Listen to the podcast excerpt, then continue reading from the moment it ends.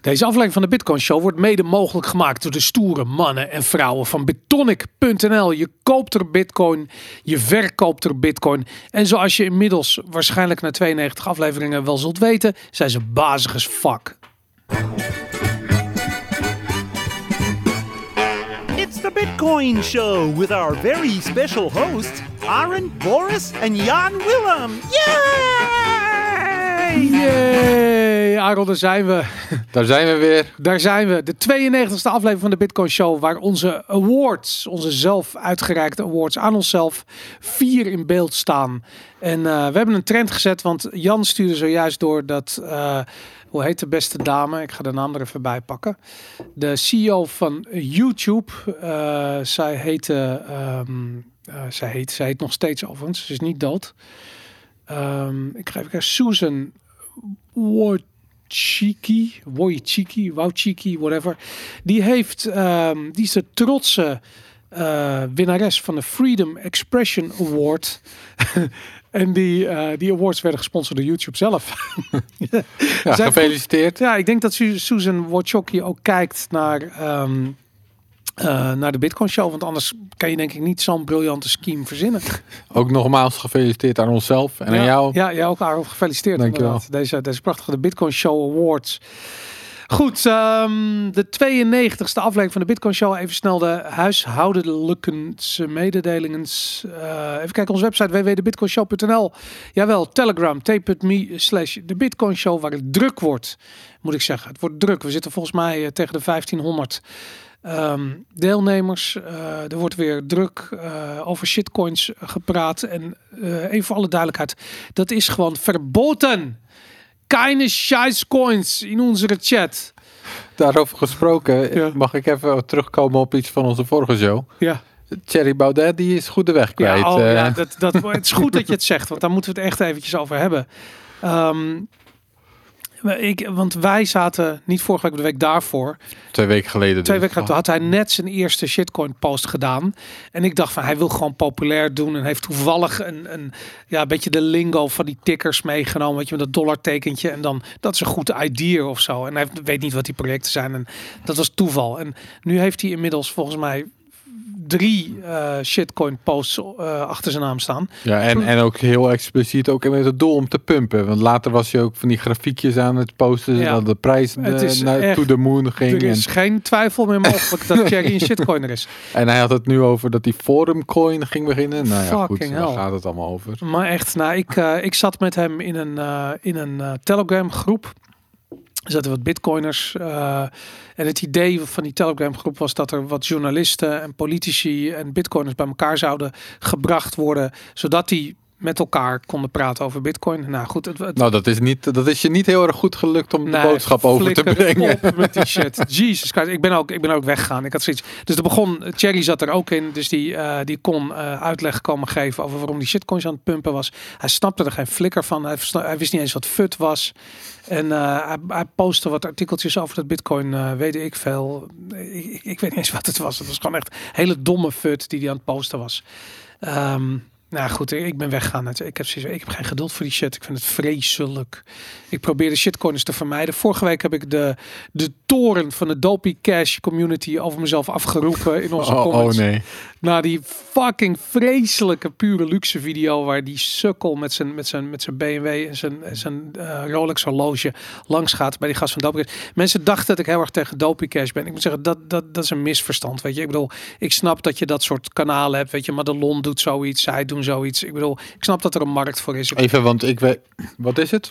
Je praten met dubbele tong, Aaron. Dat kwam er even gek uit. Maar wat is het überhaupt? Want ik heb alleen een YouTube kanaal en ze nee. shitcoins. Oh, het is zelf een YouTube kanaal. Ja, over shitcoins. Ja, is onder andere en treden weet ik veel, whatever. Right. Maar goed, iedereen zei van nee, maar die jongens zijn juist heel goed. En volgens mij zijn ze ook wel eens op onze meetup geweest. Ik um, het ging niet zozeer over hun. Waar mijn hele probleem daarmee is, ik zal het nog een keer uitleggen, dat je dus die idioot die daar met zijn BMW langskomt, die over Rolexen begint te praten en over wat je om je pols hebt, dat daar een hele vibe hangt van uh, snel geld verdienen. En uh, dat in combinatie met natuurlijk veel kijkers op YouTube geeft gewoon een verkeerd signaal af. En dat. Um, Ja, daar sta ik achter, weet je. En het kan heel goed zijn dat Dopicast dat allemaal tot in een treuren nuanceert. Dat is leuk en aardig. Maar uh, dit soort video's horen bij een bull market. Daar zitten we in. We hebben gewoon weer een alt season. En ik zal eerlijk toegeven, ik zat ernaast. Ik dacht, we gaan dat niet meer hebben. Uh, Bart Mol van Satoshi Radio wreef het me ook eventjes in zijn podcast uh, virtueel in mijn gezicht. Dat ik ernaast zat. Dat klopt, ik zat ernaast, lieve kijkers en kijkerinnen. Um, het is gewoon weer een ouderwetse alt-season. Met, uh, ja. Waar mensen je vragen welke, welke muntjes, welke coins ze moeten kopen. Wat, wat interessant is. En, Juist, en die gaan en YouTube-video's, wat je zegt. En, de, maar dat is dat ding. Vroeger was YouTube, tegenwoordig is TikTok. Tegenwoordig zit iedereen op TikTok zijn, zijn gains te, oh, te ja? laten zien. Ja. En dat, uh, dat gaat dan gelijk om heel erg veel geld. Want het zijn de meest ja, krankzinnige shitcoins uh, en kutprojecten die weer gezild worden. En, en inderdaad ook daadwerkelijk aan het pumpen zijn. Ja, nou, je ziet het ook in de reacties. Het zijn allemaal van die reacties van ja, maar ik heb mijn spaargeld in drie weken tijd verviervoudigd. Dus ik heb gelijk.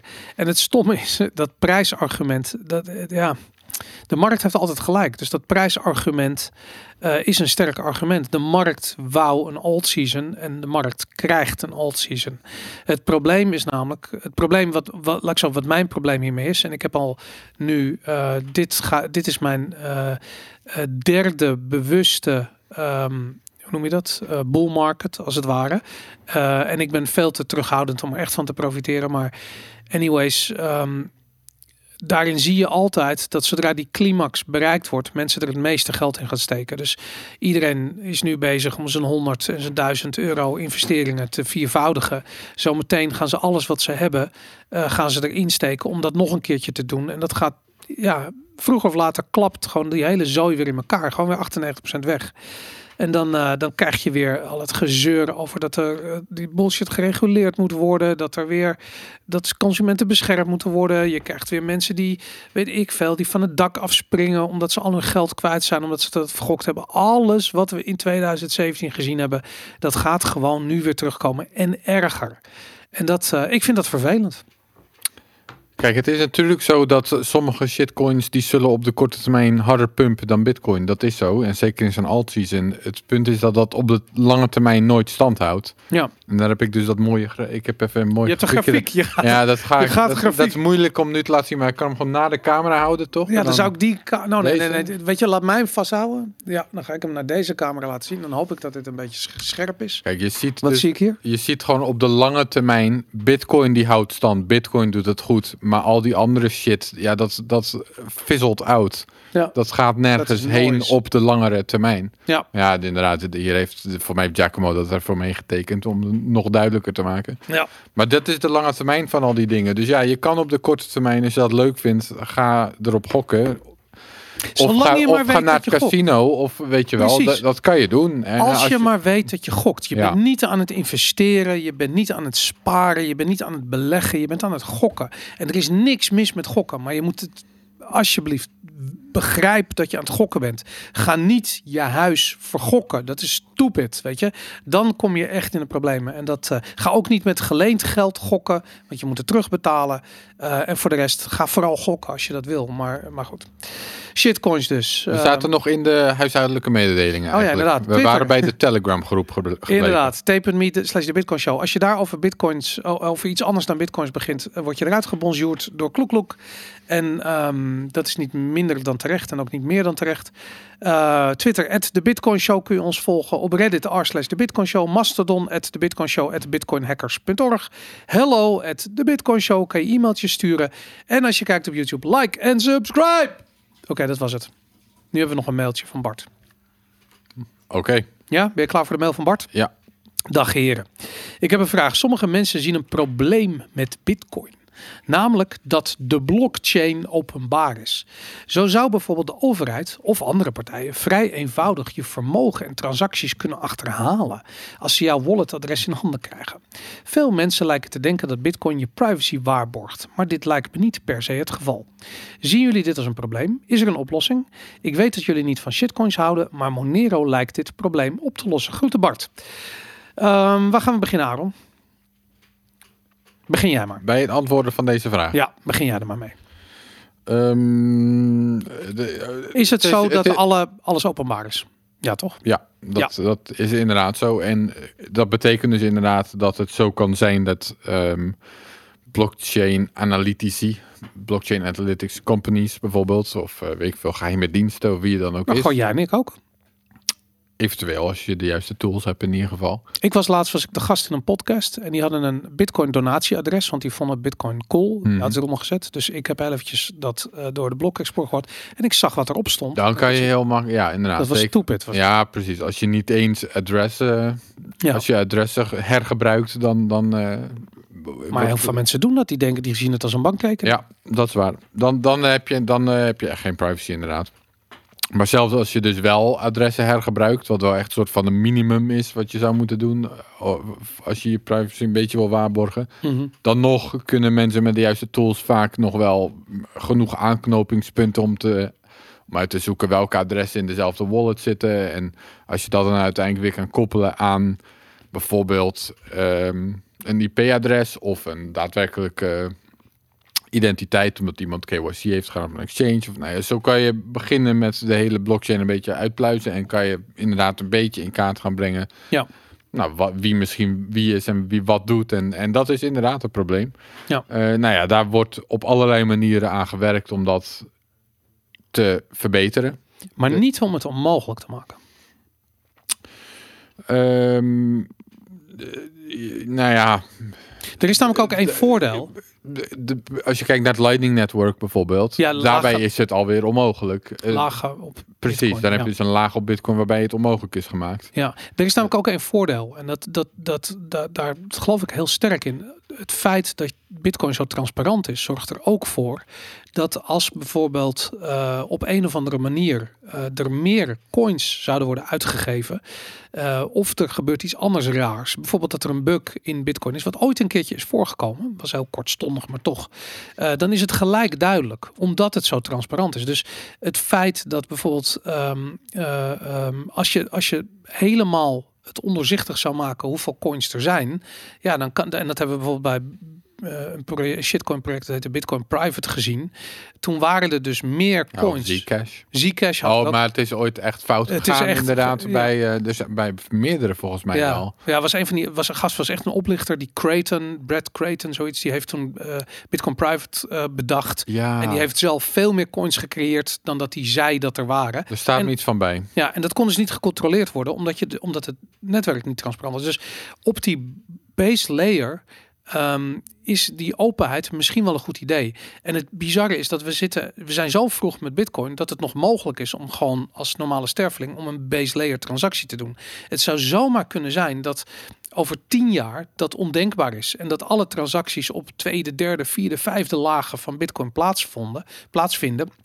En die base layer transacties alleen maar hele grote settlement transacties zijn. En dan is het ook niet zo erg dat dat transparant is op dat ogenblik. Dus de privacy zou kunnen verschuiven naar eh sidechains of naar, naar nieuwe lagen bovenop Bitcoin.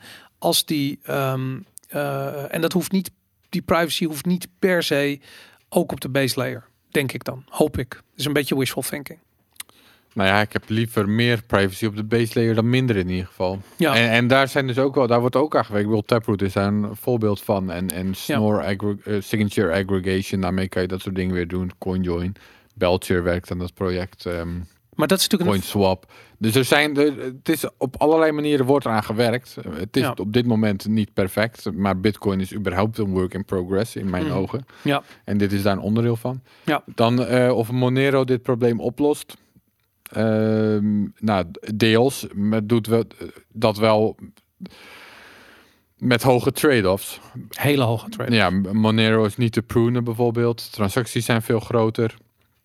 Eh betekent ook dat het veel moeilijker is. Zeker, ik bedoel, nu wordt Monero niet zo heel veel gebruikt. Maar stel dat Monero net zoveel zou worden gebruikt als Bitcoin, dan wordt het weer veel moeilijker om een full node te draaien. En dan moet je weer met andere oplossingen die ook weer niet goed zijn voor privacy. Ja, op dit Light ogenblik is, clients of dat ja. soort dingen. Op dit ogenblik is Bitcoin meer private dan Monero. Niet omdat Monero qua techniek minder private is, maar omdat zo weinig mensen het gebruiken, dat het, eh, dat je, het is net alsof je soort van, hoe zou je het zeggen, een, een zwarte cape draagt en een masker op hebt eh, om je identiteit te vullen midden in een mensenmassa. Je valt gewoon heel erg op.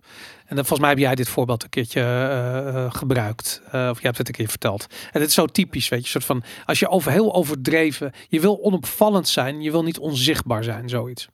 Ja, als iedereen een masker en een ding zou dragen, dan zou je niet meer opvallen. Maar als je Ja. de enige bent, dan val je juist daarom weer op. Dat is inderdaad zo. Dat, Ja. Dus dat probleem zou, heeft Monero arguably. Kijk, je hebt ook nog zoiets als Zcash. Ja. Dat zou ik zeggen, is misschien nog meer private dan Monero. Maar ja, dan heb je, eh, nou ja, in het geval van Zcash is het weer een soort van opt-in ding. Dus dan heb je dat probleem ook weer. Enfin, het punt is, er zijn altijd trade-offs. Ehm, ik, ik denk zelf dat digitale schaarste maar één keer kan bestaan.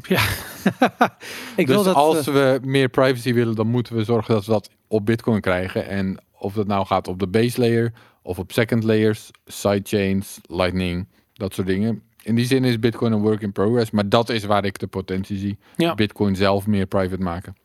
waarom hebben mensen zoveel moeite om te begrijpen dat digitale schaarste maar één keer kan bestaan? Wat maakt digitale schaarste zo anders dan andere vormen van schaarste? Ja, het is sowieso een heel nieuw idee, Boris. Eh, alles, eh, Bitcoin zelf en alles erop en eraan is een heel nieuw idee. Mhm. En ehm, ja, digitale schaarste is een heel nieuw idee. Oké, En ik denk dat dat. eh, ik, ik denk dat het de enige logische oplossing is, zeg maar, dat het maar één keer kan bestaan. Of je hebt 21 miljoen coins, of niet. En zo niet, wat is het dan nog waard? precies. Dus, eh, maar goed, dat soort dingen moeten denk ik wel. Dat heeft tijd nodig om, om door te dringen. En Ja, nou ja, het, je, het- je, zie- je ziet toch ook wel dat. eh, De, mijn indruk is op, over het algemeen wel dat. En dat hebben we bij jou gezien en ik heb dat zelf ook wel. En eh, hoe langer mensen hiermee bezig zijn met Bitcoin en crypto, hoe, hoe meer ze toch richting maximalist gaan. Over maar het is algemeen, toch? Het is Dat, dat denk ik, ja. Ja, ik was, ik denk bij de vorige bullrun was ik, ik heb het daar vanochtend nog over gehad, was ik niet eh, een maximalist. Ik ben dat geworden.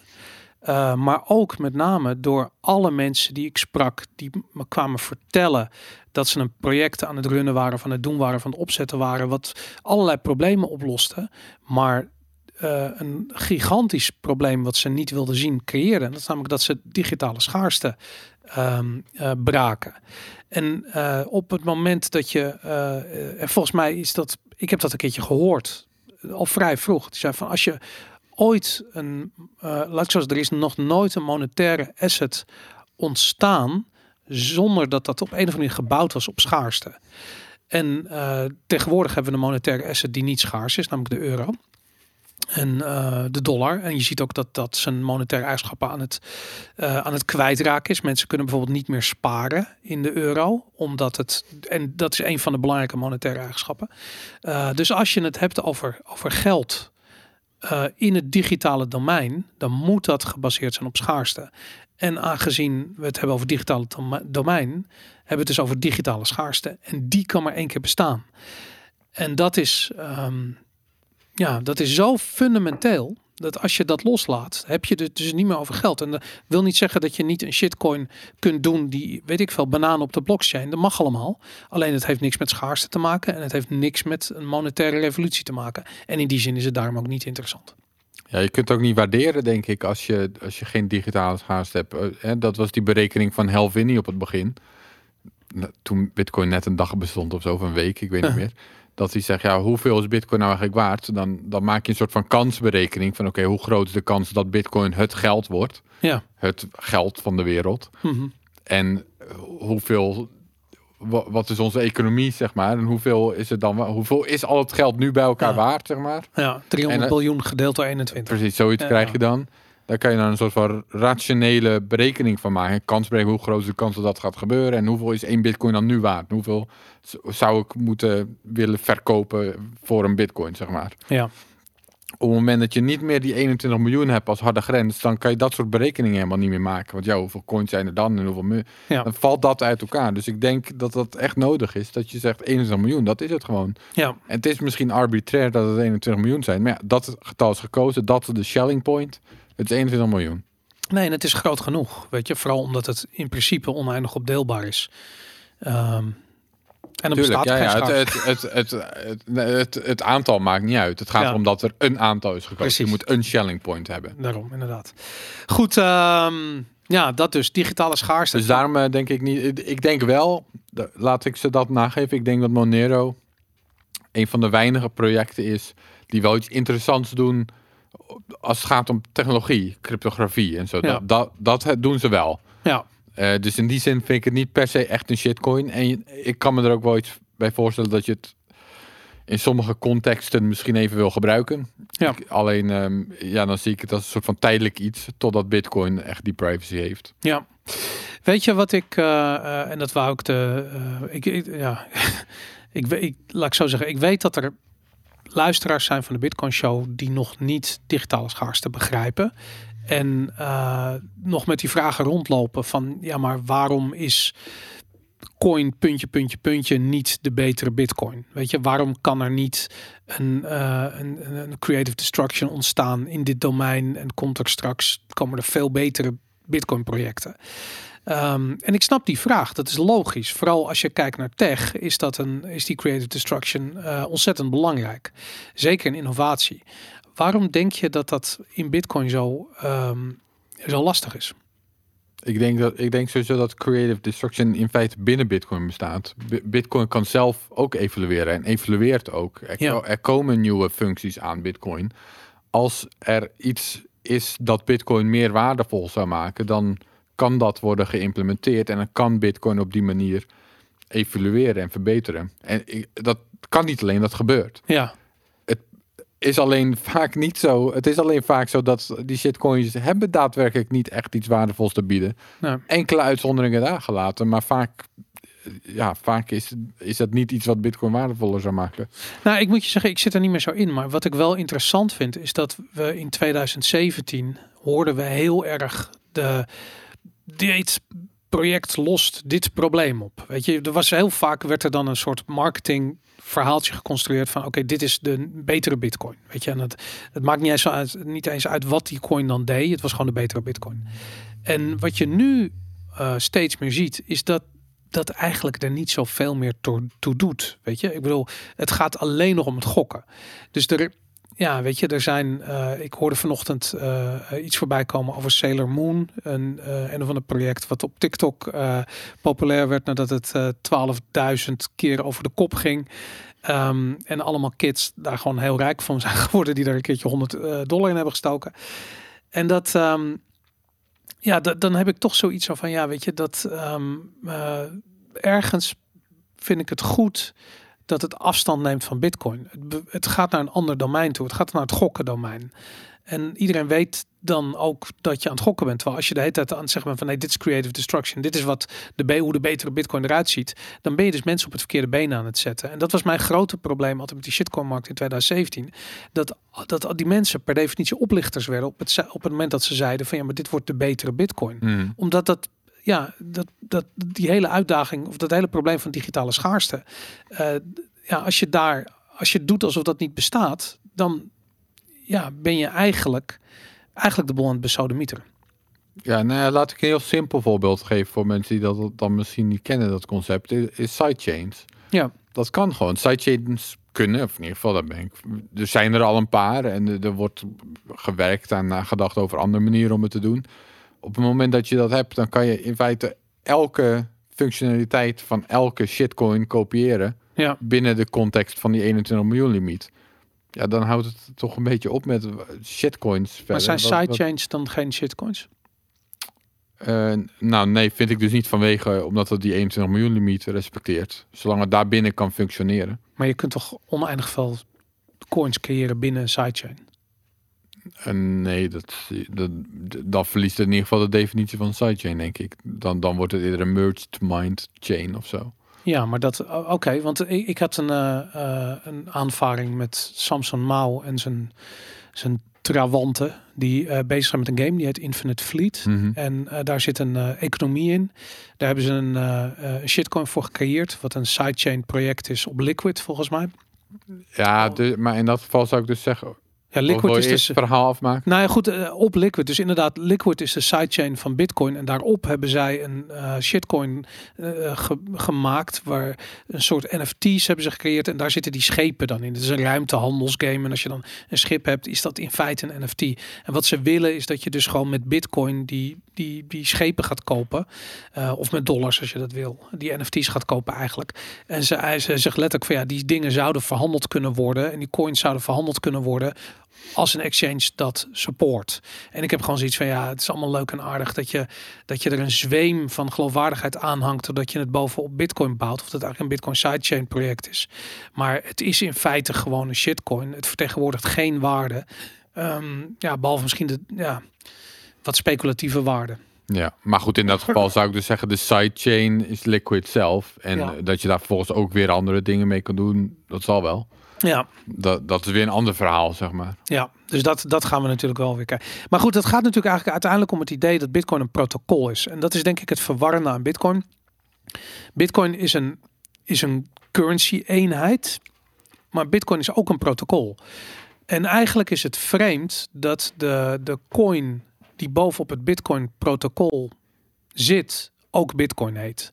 Dat, daar zit het verwarrende in. Weet je? Dus als jij zegt van ja, maar het Bitcoin-protocol kan verbeterd worden, dat kan. Maar de currency-eenheid staat, is nou eenmaal, eh, dat is waar die digitale schaarste hem in zit. Staat natuurlijk niet helemaal los van het protocol, maar het zit er bovenop. Ehm, het zijn twee verschillende dingen die in Bitcoin dezelfde naam hebben gekregen. En dat, eh, dat zie je bijvoorbeeld dat ehm, eh, bij andere projecten zie je dat het protocol een andere naam heeft dan de eh, currency die er bovenop wordt gebouwd. Currency is het verkeerde woord, maar de token die er bovenop wordt gebouwd. De shit hierop. De shit die erop wordt gebouwd. De overheen wordt gescheten, inderdaad. Ja. Dat zie je bij Ethereum bijvoorbeeld. Dat het protocol, het netwerk is Ethereum en de, de, de, de vloeibare scheid die er overheen stroomt, dat is ETH. Ja. Dus dat. Goed, dat dus. Maar ehm, ja, dan zijn dus mensen allemaal triggered dat we, dat we, dat we Bitcoin maximalisten zijn. Maar goed, dat zullen Dat jullie ook zijn. Dat is het, dat is het ironische. Als je hier naar kijkt of je naar luistert, wat zou kunnen als shitcoiner. eh, dan zul je eh, dit moment zul je hier aan terugdenken op het moment dat je zelf de maximalist in jezelf ontdekt. Want die kom je vroeger of later tegen. En dat, ehm, ja, dat gaat gebeuren dan. Mooi gezegd. Ja, hè? Zullen we een pakketje openmaken? ja, je hebt een pakketje. Ja, laten we het Dit is de openmaken. volgende post. Eh, Ik ben heel benieuwd. Ja, er komen echt zeeën van ja, we, kri- we krijgen allemaal goodies hier. Het lijkt wel Eh, AliExpress eh, die hier eh, los gaat elke dag. Mooi in bubbeltjes wrap. Bubbeltjes wrap. Oh, kijk, wat is het? Het is, Het is een doos. er staat op Domino? Bitplates Domino. Oké. Bitplates. Ik weet niet precies wat het is. Het is iemand die wilde me iets toesturen. Kijk, het zit in een pakje, in een zakje, in een dingetje. Dat zijn je bitplates. Er zit een sleutelhanger aan. Nou, zal ik deze openmaken? Ja. Bitplates Domino. Ik denk, eh, voor, voor zover ik begrijp, is het dus weer een... ehm, Het is een pakje, en een pakje, en een pakje, en een pakje. Het is dus weer iets om een seat op te, op te slaan. je private keys op één... Oh, kijk. Het ziet eruit als een giga... Voor mensen die luisteren naar de podcast. Het is een soort zilveren plaatje met allemaal vakjes erop. Ja, dus hier Ja. staat 1 tot en met 7. En hier staat... Oh nee, 1, 7, 2, 8. Er staan allemaal getallen op. Maar ik, Ik vind het er wel mooi uitzien. Ja, maar ik snap er ook. Oh, het is zwaar ook. Het is echt van metaal. En, dit, en dit zit erbij. En hier, Ja. ik denk dus dat je dan...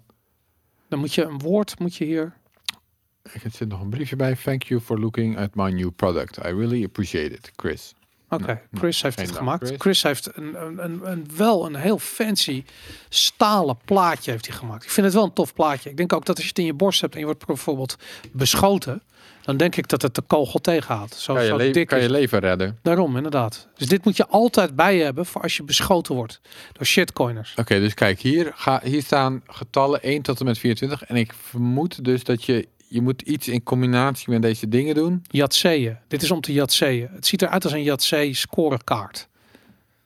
Nou Ja, zo ziet het eruit. Maar dit is dan, eh, hiermee kan je dan je private keys op een of andere manier veilig staan. Nou, maar je moet, dat, je moet toch die... Ik die zie geen gebruiksaanwijzing of zo. eh. Nee, het is volledig onbegrijpelijk. Je moet het uitzoeken hoe het werkt. Daar ben je dan precies één hele bull market mee bezig.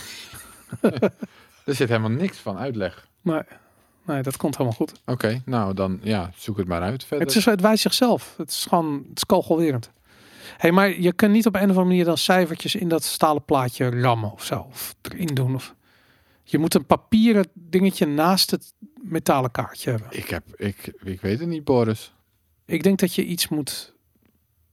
Ja, In ieder geval, kijk, deze heeft dus twee kanten. En dus elk papiertje staat voor één kant. En ja, dit, hier kan je met een pen iets mee. Maar wat je dan met het stalen plaatje weer moet, ja. ik heb geen idee. Goed, nou dit is de anticlimax van, eh, van de eeuw denk ik. Ehm, misschien kunnen we het op dominosbitplates.com kunnen we uitzoeken. Oh, hier staat, ja, dus hier staat een website en daar staat how it works. Ah, Oké, ja, Dus wat is dat nou? Een website how it works. Bit- ik haat handleidingen. bitplates.com slash how dash it dash works. En daar moet je dan maar eh, gaan uitzoeken hoe het werkt. Bitplates.com. Ik ga het gewoon, ik ga naartoe. Bitplates.com slash how it works. Met dashes ertussen. En da- how dash it dash works. Ook weer heel ingewikkeld vind ik dat. Het is niet makkelijk. Oh. How dash. Als we het van tevoren hadden opengemaakt, dan hadden we het kunnen, kunnen bekijken. Dan hadden we dit kunnen voorbereiden. Het gaat dus inderdaad om het preserveren van je Bitcoin wallet backup, je seed words. Eh, er staat een filmpje. Je moet puntjes zetten op dat kaartje. Kijk, er zijn lettertjes en cijfertjes. What the fuck, man. Als je wordt 1 save, dus je gaat 1 save. Oh, dit is de eerste letter. Dat is dan een S. De tweede letter is een A. De derde is een V en een E. En wat doen die puntjes daar dan? Niks. Je moet puntjes zetten op dat ding. Ja, het is Misschien moeten de we- meest we doorgaan. onbegrijpelijke shit. Staat, de de uitlegvideo duurt anderhalve minuut. Die gaan we nu niet live kijken. Ik zet hem gewoon aan. Misschien kunnen we het... ehm, Ja, we gaan, we gaan, we gaan door. Ja, ik ben, ik ben wel benieuwd dan overigens hoe die... ehm, eh, hoe je dat dan in dat plaatje krijgt. Ja, dat weet niemand. Nee, want dat is een stalen plaatje. Het lijkt me dat je daarin moet graveren of iets dergelijks. Ja, zoiets. Dat zal het wel zijn, hè? Ja, dat denk ik ook. Maar ja, er zit niet eh, een graveerpen bij of zo. Dus het, het is fucking onmogelijk. Nou goed, ehm, ja, dat is. Hé, hé. Wat is het volgende onderwerp? Je hebt nog een boek gekregen, die eh, wil je even Oh, Jezus laten zien. Christus, ik zit helemaal met de bitplates. Ik ben helemaal van apropos. Even kijken. Eh, het kleine Bitcoin boekje, oftewel de Little Bitcoin boek, is vertaald in het Nederlands door een stel bazige bazen die dat gewoon doen. Eh, deze bazige bazen hebben ook al de Bitcoin standaard vertaald in het Nederlands. En nu dus ook het tweede boek in het Nederlands is het kleine Bitcoin boekje. Zoals je kunt zien aan de maat is het ook echt daadwerkelijk een klein Bitcoin boekje. Ehm, het gaat je uitleggen. Het is de reden dat het een klein Bitcoin boekje is, is omdat je mensen soms eh, eh, een, een, een dik bit of een groot Bitcoin boekje geeft. En dan denk je zoiets van, nou, nou, nou, dat is een groot boek. Dat, dat kost veel tijd. Maar geef je ze een klein Bitcoin boekje, nou, dan heb je zoiets van, nou, dat kan ik net wel uitlezen. Daar kan ik een beetje doorheen bladeren. En dat, eh, dan leer ik iets over Bitcoin. Dat is waarom het een klein Bitcoin boekje is. Ehm, ja, ik denk dat ze dat, die maat hebben ze perfect gekozen. We hebben hem ook wel eens gereviewd in de Bitcoin Book Club. Oh ja, nou goed. Ja, ik, ik, ik weet nog, eh, dat- ik, ik weet niet meer welke aflevering natuurlijk, maar ik weet nog wel dat mijn mening was dat het, eh, het was een beetje, eh, het was een boek geschreven by committee, zeg maar. Ja, dat is dit ook. Er zijn meerdere mensen hebben hier samen aan gewerkt. Iedereen Ja. heeft een hoofdstukje geschreven. Ja, maar het werd daardoor ook een soort van een gekke mix en op sommige delen een beetje een gek compromis. En ik heb zelf liever dat een boek gewoon geschreven is door één auteur met een visie, Ja, dan dat het een soort van gekke mix en de, maar verder eh, niks mis mee hoor. ja. Dat was gewoon eh, mijn mening toen. Oké. Ik moet je wel zeggen dat in het hoofdstuk Wat is Bitcoin? er een kopje is twee soorten schaarste. Daar gaan we al. Dit is verwarrend, hè? terwijl we net hebben gehad over digitale schaarste. Maar ik ga heel eventjes dit stukje. Oh god. In het fysieke domein zijn er twee soorten schaarste. Gelukkig, het gaat niet over het digitale domein.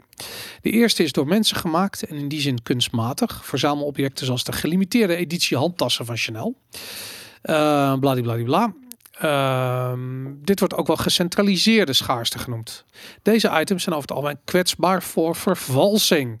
Tweede type schaarste is van natuurlijke aard. Deze categorie eh, omvat onder andere zout, glazen kralen in Ghana, zeeschelpen in de inheemse Amerikaanse cultuur, zilver en natuurlijk goud dat we kennen.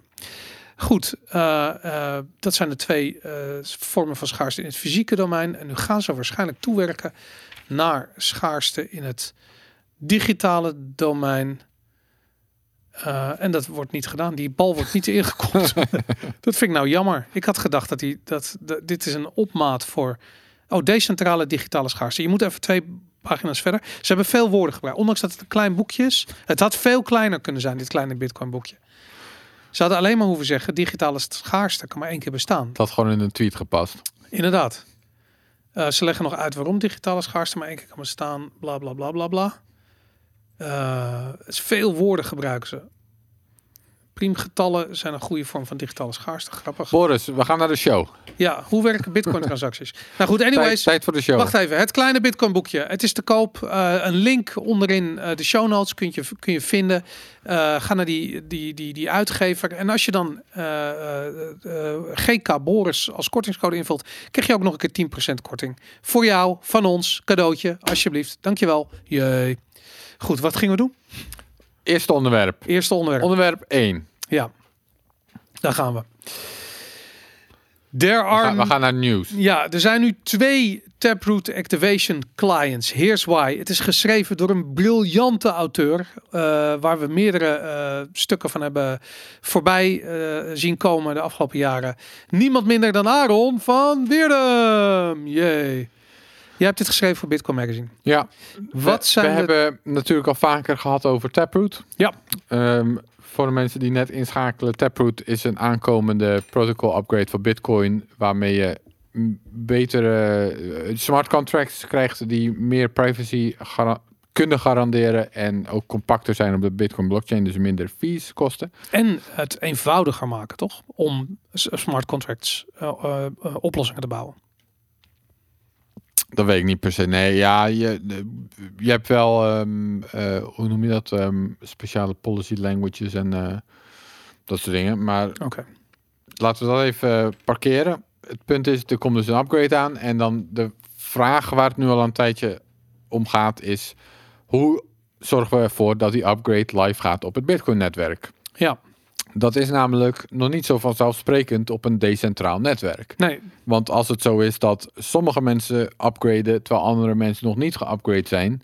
Wat inherent natuurlijk altijd het geval zal zijn. Want niet iedereen, er is niemand, er is geen dictator die zegt nu eh, gaat iedereen upgraden en dat iedereen dan ook doet. Nee, Bitcoin is een vrijwillig decentraal protocol waarin iedereen zijn eigen software draait. Ja. Dus hoe zorg je nou Oké, dus als mensen niet dezelfde, als mensen niet precies op hetzelfde moment upgraden, hoe zorg je nou voor dat er geen splijting in de blockchain ontstaat, omdat mensen bijvoorbeeld verschillende regels Ja. eh, verschillende interpretatie hebben van het Bitcoin-protocol. Dus dan kan bijvoorbeeld dat iemand op een gegeven moment een transactie maakt die de nieuwe regels breekt, wat dan oude nodes prima vinden, maar nieuwe nodes niet. Nou, dat soort dingen.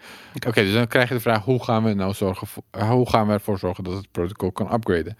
Wat we daar eh, voor hebben gebruikt ehm, in een paar upgrades hiervoor was in principe hashpower. ja, Dus op het moment dat een meerderheid van de miners aangeeft dat ze de nieuwe regels gaan bekrachtigen, dan zorgt dat ervoor dat iedereen op hetzelfde netwerk blijft. Want zelfs nodes die niet geupgrade zijn, die volgen dan die chain. En dan is iedereen eh, op, op, op ja, iedereen volgt dan de, de langste chain. Dus dan zit iedereen op dezelfde regels.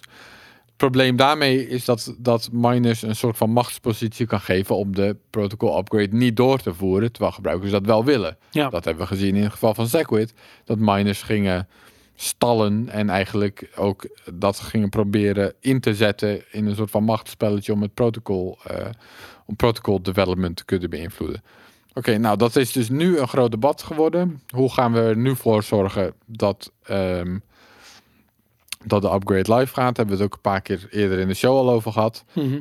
Eh, en je zou kunnen zeggen, er waren een soort van op een gegeven moment twee hoofdideeën.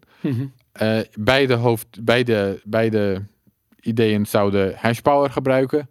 Alleen het verschil wat dan over was, was oké, stel we geven miners een jaar lang de kans om te activeren. Mhm. Wat doen we dan als dat jaar op is? En er was één groep die zei, nou dan gaat de upgrade niet door. Of dan kunnen we daarna een andere oplossing gaan verzinnen. Eh, waar ook al over gespeculeerd is. Maar hè, in ieder geval als eerste stap laten we het gewoon aan miners over. Als ze niet activeren, dan zien we wel weer verder. Ja. En een andere groep zei, nee, als dat jaar om is, dan gaan we een UESF doen in feite. Dat zeggen we nu alvast. Dus dan gaan we blokken eh, weigeren die niet de upgrade activeren. Ja. Oké, dat waren soort van de twee hoofdstromingen. En dan zijn er verschillende variaties daarbinnen en nog wat alternatieve ideeën. Maar dat zijn een beetje de ho- twee hoofdstromingen. Ja. Uiteindelijk leek dat een beetje tot een soort van. to- eh, op een soort van deadlock uit te lopen. Want in, meestal, over het algemeen, is het zo dat zeker Bitcoin Core voegt pas, implementeert pas code aan een nieuwe release als er consensus voor is. Ja. Dus op het moment dat er die twee stromingen waren die allebei iets anders willen, dan is er geen consensus en dan kom je in een soort van deadlock situatie terecht. Ja. Maar is dat erg? Want de markt kiest uiteindelijk toch? Eh, de markt kiest uiteindelijk sowieso, ja. Want we zien Maar toch... wat, wat, wat bedoel je daarmee? Dat, dat je het beide kan doen? Ja, Ja, dat wat ben, nu ook dat ben ik met jou eens. Ja. Ja. Maar daar, dat, daar is niet iedereen eh, even enthousiast over. Nou ja, goed, de discussie heeft zijn functie natuurlijk, die is belangrijk. Maar dat eh, developer A, in dit geval Luke Dash Jr., gewoon zijn eigen eh, hart volgt en een eh, implementatie bouwt, die je als node operator wel of niet kunt downloaden en installeren, als je dat zelf wil. Of je volgt gewoon de, ehm, de, de, de, de Bitcoin Core tussen aanhalingstekens weg en je doet dat. Ja, daar ben ik op zich met je eens. Even heel even voor de om het compleet te maken. Waaruit uiteindelijk werd er een soort.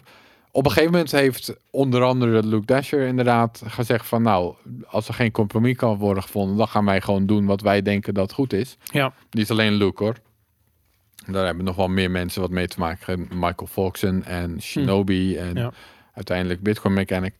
Ehm, nou ja, maar Bitcoin Core developers die konden daar, daar zich niet allemaal in vinden. Dus ehm, uiteindelijk is er dan een soort van last minute compromis gevonden. onder de naam. En Speedy Trial. Ja. De Speedy Trial is in, ehm, drie maanden lang mogen kunnen miners hashpower signalen om de upgrade te activeren. Eh, en dan in het geval van Bitcoin Core in ieder geval, na die drie maanden, als het niet is geactiveerd, dan zien we wel weer verder. Mhm. Dus dat is in principe. Dat, is, dat representeert een beetje die ene stroming die zei we zien wel weer verder na een jaar. Alleen is het nu teruggebracht naar drie maanden. Ja, lijkt me voor dit specifieke geval een hele goede oplossing. Op zich prima. Mhm. Ehm, de andere stroming, dus inderdaad, je noemde Luke Dasher al, de lot is true kant eigenlijk. Ja. Die heeft iets van, nou prima, dan doen we dat. Maar we laten dat niet in de weg komen van ons plan om sowieso te gaan activeren. Ja. Dus dan hebben we eerst die drie maanden, maar dan gaan we daarna Wat raar is, om het activeer dan gelijk. Weet je? om het specifiek te maken, dan gaan we dan, eh daar, daar plakken we er nog 15 maanden aan vast. Dus dan heb je in totaal 18 maanden. Hmm. En dan na die 18 maanden, dan gaan we dus Lot is True, dan gaan we activeren, dan gaan we blokken weigeren die niet voor activatie signalen. Ja. Dus dan dus hebben we het over oktober 2022. Ja. Dan gaat Taproot sowieso live op zijn allerlaatst. In ieder geval op die client. Ja. Dus we hebben nu twee clients. Eh, de Bitcoin Core client, dat is Bitcoin Core 0.21.1. Mhm. Die, eh, daar is nu een release candidate van uit. Dat wil zeggen dat er een soort van dat die, dat die in principe is gereleased. Alleen nog een beetje onder voorbehoud. Mensen kunnen nog een beetje testen, mee Mhm. aanklooien op eh, testnet, weet ik veel. Kijken of er bugs in zitten, dat soort dingen. Als dat niet zo blijft te zijn, dan wordt die soort van gepromoveerd. Dan, dan is dit gewoon de release. Dus Oké, als, als er geen bugs worden gevonden, dan is de release nu uit. Maar dat, Ja. dat, dat het officieel is, duurt nog een paar dagen. oké. En aan de andere kant heb je dus Bitcoin Mechanic en Shinobi, wat twee Ja. pseudoniemen zijn, Mhm. met veel hulp van Luke Dasher. Die hebben de Lot is True client uitgebracht. En dat is dus een beetje de UESF client. Ook al Ja. vindt Luke die term USF niet heel gepast hier, omdat er sowieso eerst 18 maanden aan minor activation Daarom. aan vooraf gaat. Ik heb daar een vraag over. Als jij als ehm, eh, Bitcoin gebruiker mee wil doen in deze discussie, installeer dus een van die twee ehm, ehm, ja, versies als Ja. het ware op je node. En daarmee zeg je eigenlijk van na eh, deze bepaalde datum accepteer ik alleen nog blokken. Mijn node accepteert alleen nog blokken die voldoen aan deze voorwaarden. Dus dat is voor mij Bitcoin. Ja, Dus- in ieder geval is dat zo voor de Lotus True client. Ja, daarom. Dus dat is natuurlijk super eh, democratisch. Behalve dat ik heel veel mensen in mijn omgeving zie die niet meer gewoon ehm, software downloaden van Bitcoin Core, dan wel van Luke Dash Junior, whatever, wat voor GitHub ze gebruiken. En dat installeren. Maar die gaan allemaal, die maken gebruik van Umbrel of MyNote of van Raspberry Blitz of van dat soort kant-en-klare gepackagede eh, software ehm, ja, bundeltjes. Ehm, en die hebben dus, dan heb je dus niet meer de keuze. En ik denk, ik vind het jammer waar je in 2016 nog echt koos voor een bepaalde specifieke fork of voor een bepaalde software implementatie. Daar is dat nu eigenlijk dat mensen gewoon Umbrel installeren. En misschien dat de makers wel of niet een versie releasen die een dan wel de andere eh, installeert. Ik denk dat die geen risico zullen nemen, voornamelijk Bitcoin Core aan zullen houden. Wat in dit geval ook niet zo'n ramp is. Alleen de Bitcoin Node gebruiker is een veel meer mainstream persoon geworden. Niet op de hoogte van deze discussie. En dus ook niet in staat om ja, actief mee te doen. Ehm, eh, nou ja, goed, Umbrel gebruiken is, is natuurlijk ook een keus. Maar Ja. en dan ja, uiteindelijk eh, als mensen die per se Umbrel willen gebruiken, maar toch de USF client, Lotus True client willen gebruiken, dan zullen ze Umbrel moeten aanschrijven en aan hun vragen of ze die optie beschikbaar Ja. maken, I guess. Ja, daarom. Dus, maar in, in feite is het natuurlijk niet anders van mensen die voorheen, ik noem maar iets, eh, Green gebruikten als wallet. Ik bedoel, dan ben je ook soort van afhankelijk van wat Green op hun server doet. Dus dan moet je. Ja, die Weet je wel, de op- ja. Ah, Ja. Uiteindelijk heb je natuurlijk echt de keus om de noot te draaien die je wil. Alleen ja, misschien moet je dan om Umbrel heen. Misschien kan je dan niet dat via Umbrel doen. Dat kan. Dat, Ja. dat hangt van wat zij doen. Ja. Ehm, en het is natuurlijk sowieso het geval dat miners kunnen ervoor zorgen dat er sowieso geen splijting eh, gebeurt ooit. Mhm. De- ik bedoel, als miners gewoon taproot gaan en forcen, dan ehm, komt er geen coinsplit of zo. Ja. Eh, maar dat was niet je vraag. Maar dat wilde ik even. Oké, nee, maar ik had niet een specifieke vraag. Het was meer dat ik... Weet je wat het is? Nou, kijk, eh, het- we hebben nu sowieso, voor de duidelijkheid, sowieso, er gaan nu drie maanden aan Speedy Trial in. Die gaan in, volgens mij, wanneer is de volgende difficulty adjustment? Dat, voor mij is die geschat op eh, begin mei. Oh, oké. Ja, volgende week. Ja, dat was een hele scherpe, vrij scherpe hash power. Ja, dat was een Drop. stroomstoring in Xinjiang. Xinjiang, weet ik veel. En daar eh 40% van de hashpower was opeens weg. Dus we gaan een hele heftige difficulty adjustment naar beneden krijgen. Ja, Wat betekent dat we eh, eigenlijk eh, hele goedkope transacties gaan zien straks. ja en nu, nu hele dure transacties. Nu zijn ze omdat heel duur, Dus nu relatief wordt- weinig blokken worden gevonden. Maar het punt wel... Oh ja, dus bij de volgende difficulty adjustment, die dus geschat is begin mei, Ja. dan gaat het in principe echt speedy trial in. Dan is het zo dat if... eh, ik ga er Engels van praten. Als, Ja, in, kan. als in een van de difficulty periodes 90% van hash power aangeeft Taproot te gaan enforcen, Mhm. Dan eh, gaat die in november gaat Taproot daadwerkelijk live. Maar dat wordt nu toch al gesignald. We zitten toch al bijna tegen die 90% als het niet meer is. Ja, je hebt nu op taprootactivation.com heeft Alessandro gewoon aan miners gevraagd van Oh, zijn jullie voor Taproot? Ja, oké. En hebben ze geant- geantwoord ja, we vinden het goed. Maar dat zijn dus sowieso meer beloftes dan daadwerkelijk echt de signaling waar het straks om gaat. Ja, Daarnaast, ja, je kunt, ik- je kunt niet uitsluiten dat pools van grootte gaan verwisselen of dat miners zelfs expres naar een andere pool gaan om dat nou, interessant. maar goed, de, de verwachting is wel dat Taproot ehm, om- geactiveerd gaat worden in november. Ja. Nou ja, dan, dan, ehm, dan da- daarmee wordt dan ook eigenlijk een klein beetje de discussie uitgesteld van Hmm. hoe werken Bitcoin upgrades nou eigenlijk? Wie, Ja. gaat dat via Bitcoin Core of niet per se? Of Weet je dat dat mijn hele ding is? Deze discussie gaat niet over Taproot. Deze discussie gaat over hoe werken upgrades. inmiddels sowieso, ja. Ja, en ik vind dat ehm, op zich heel interessant, maar niet zo interessant dat ik er ehm, heel, laat ik zo zeggen, ik geef, ik geef gewoon een paar fucks, niet heel veel fucks. nou, daar, daar verschillen we dan in. Ik vind het juist het allerinteressantst. Oké, nou goed, oké, ja, maar ik respecteer dat ook. Ik, ik, ik vind het goed dat er mensen zijn die er veel fucks om geven en die daar dan ook artikelen over schrijven, zoals jij. Dat is extreem belangrijk, want het is zo fucking abstract. Ja, het, eh, het belangrijkste in ieder geval vind ik dat of je nou voor, voor de een bent of voor de ander, of wa- wat, je mee, wat mensen ook willen gebruiken voor hun notes, wat ze Ja. ook, waar ze ook, hoe ze er ook in staan. Is denk ik het belangrijk dat iedereen in ieder geval begrijpt wat, er nou, Ja. wat de trade-offs zijn en wat de risico's zijn. En Ja. Eh, dan, eh, dan moet iedereen het zelf maar weten. Ja, inderdaad.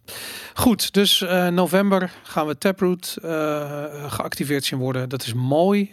Ik ben ook heel erg benieuwd wat voor applicaties erop Ja, gebouwd gaan of, worden. of niet dus. En dan kan het wel echt nog eens spannend gaan worden. dan Hoor. krijgen we gewoon heel veel gezeik. Ja. Dat gaat, hoe gaat het spannend worden, weet je? Nou ja, dan krijgen we, dan kan het weer. Nou de, zo de enige... Dan, dan kan het nog wel eens interessant gaan worden. maar niemand is uitgesproken tegen Taproot. Ik denk gewoon, Klopt. het, het grote gevaar is dat er miners zijn die gewoon niet genoeg fucks geven om te gaan lopen sikkelen dat ze het wel of niet Ja, dat zou, dat zou zomaar kunnen. Ja, dat En- we gewoon te traag zijn met upgraden. Ja. En, en dat we dan. eh, ik denk dat dat het grote gevaar is. Dus dat, eh, maar goed, we gaan het zien. Top.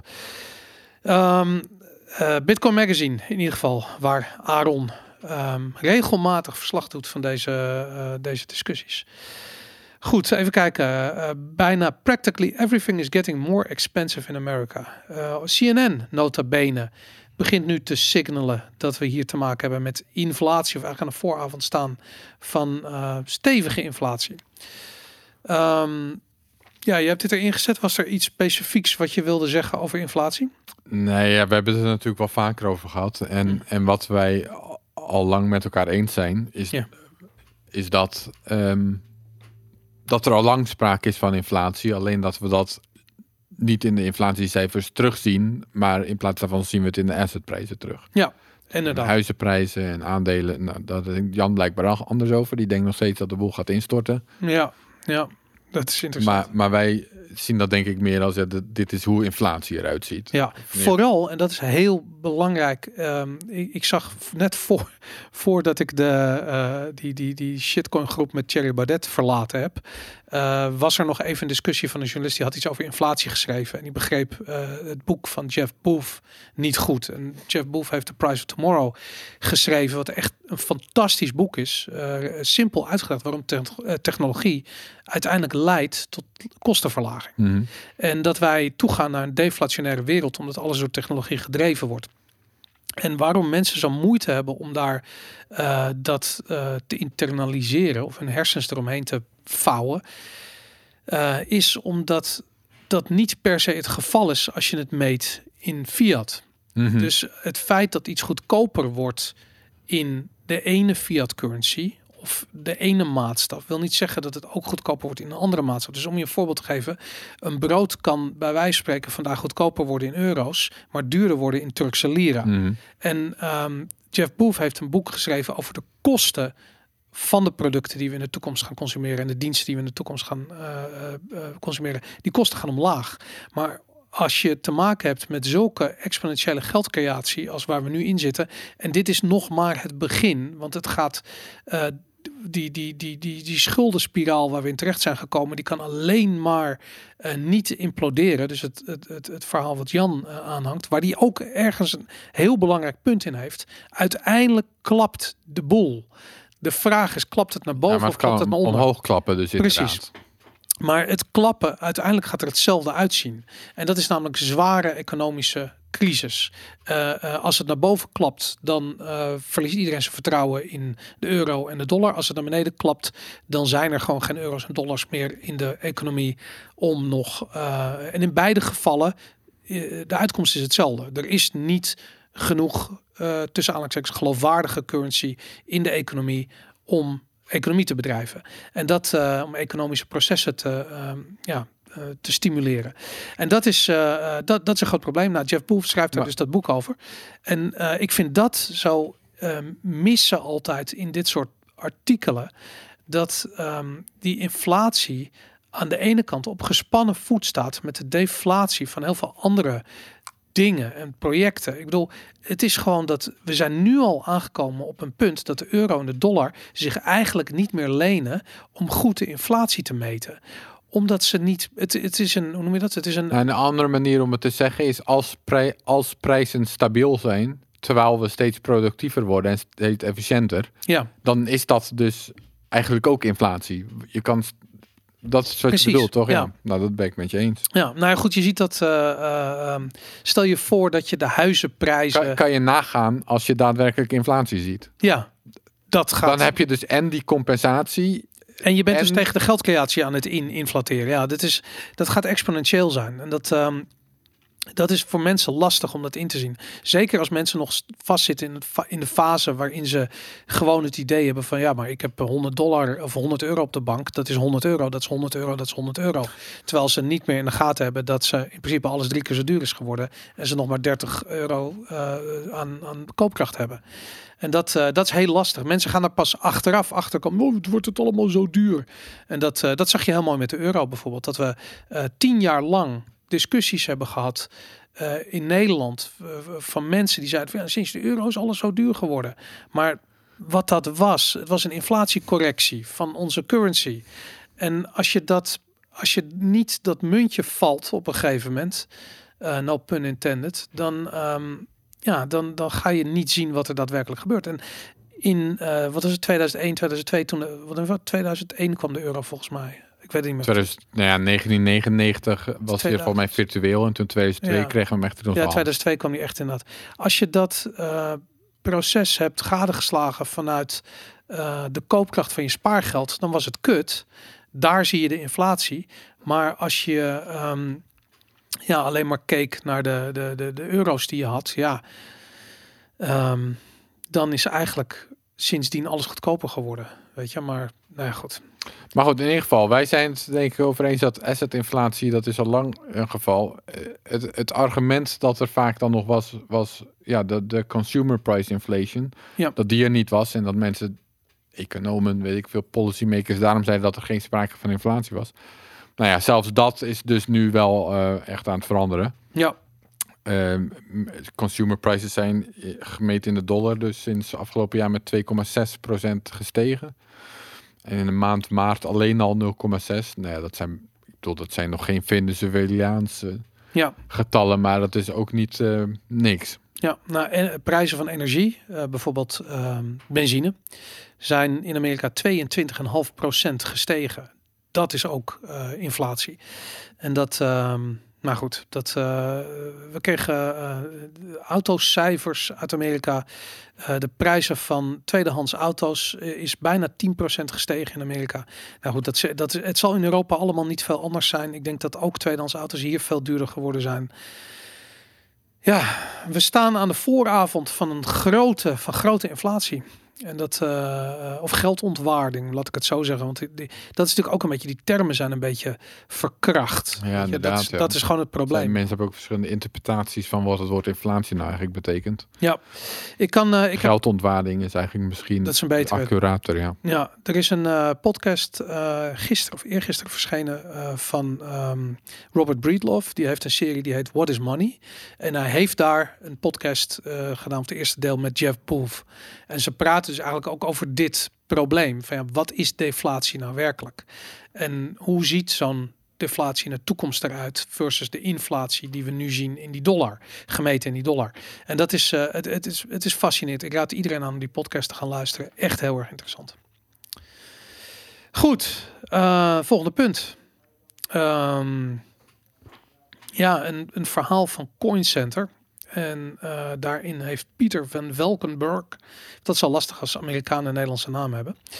Ehm, Ik zou het gewoon op zijn Nederlands uitspreken. toch? Peter van Valkenburg, Ja. jawel, die heeft een eh, artikel geschreven dat heet Expansive Standards. En niet expensive als in duur, maar expansive als in uitbreidende uh, standards for surveillance threaten human autonomy. Our message to the FATF.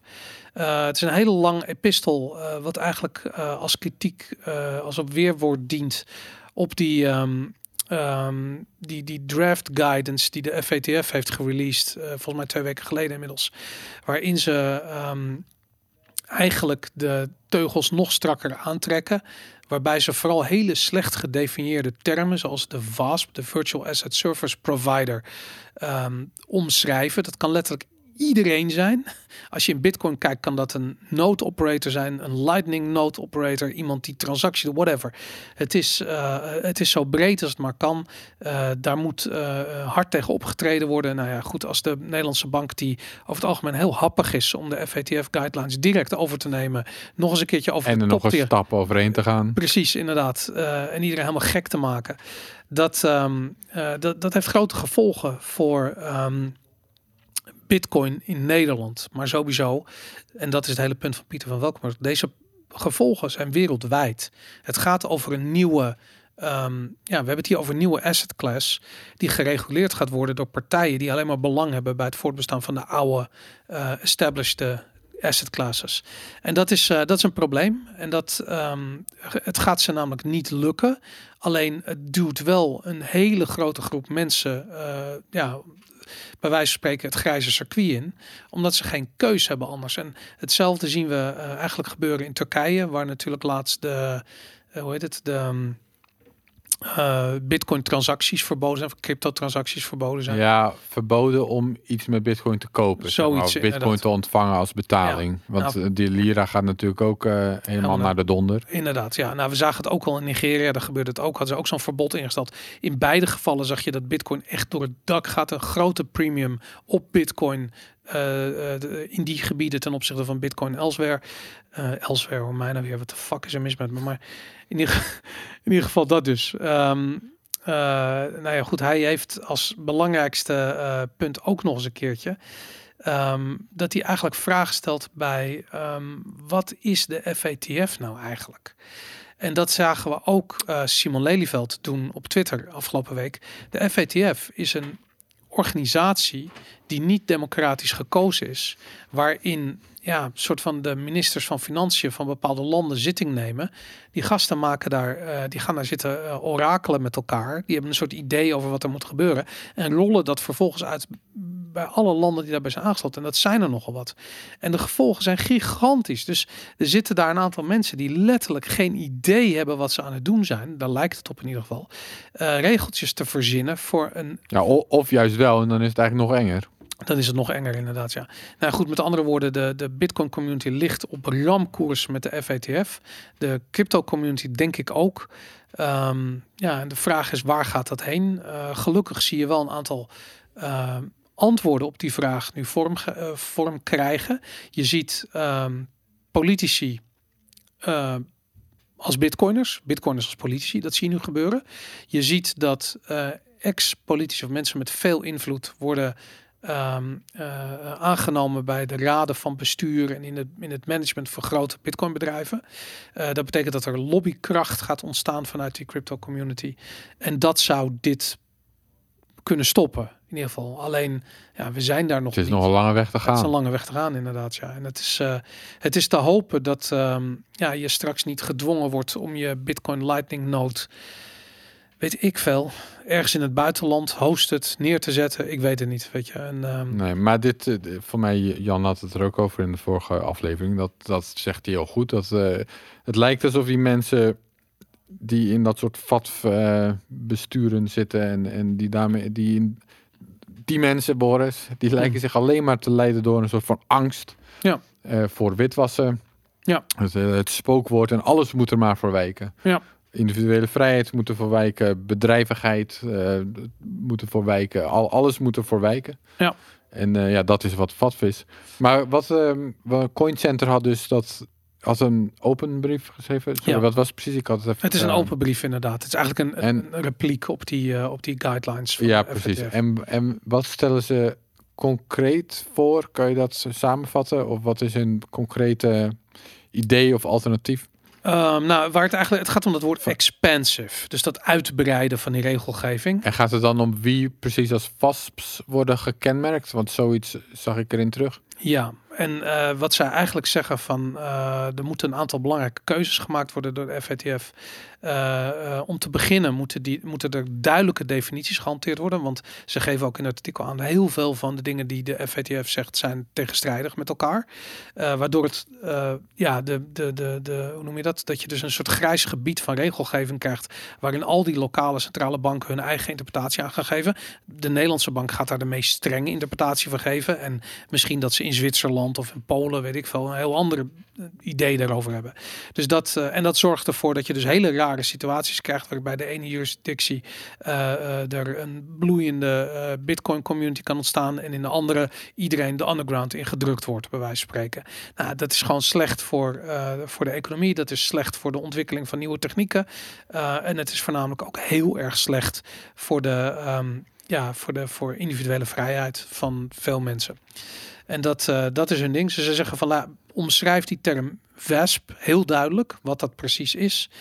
Um, en uh, hou op met een weg in te slaan die leidt tot mass surveillance. Uh, en dat is natuurlijk ook iets wat, um, wat een groot probleem is.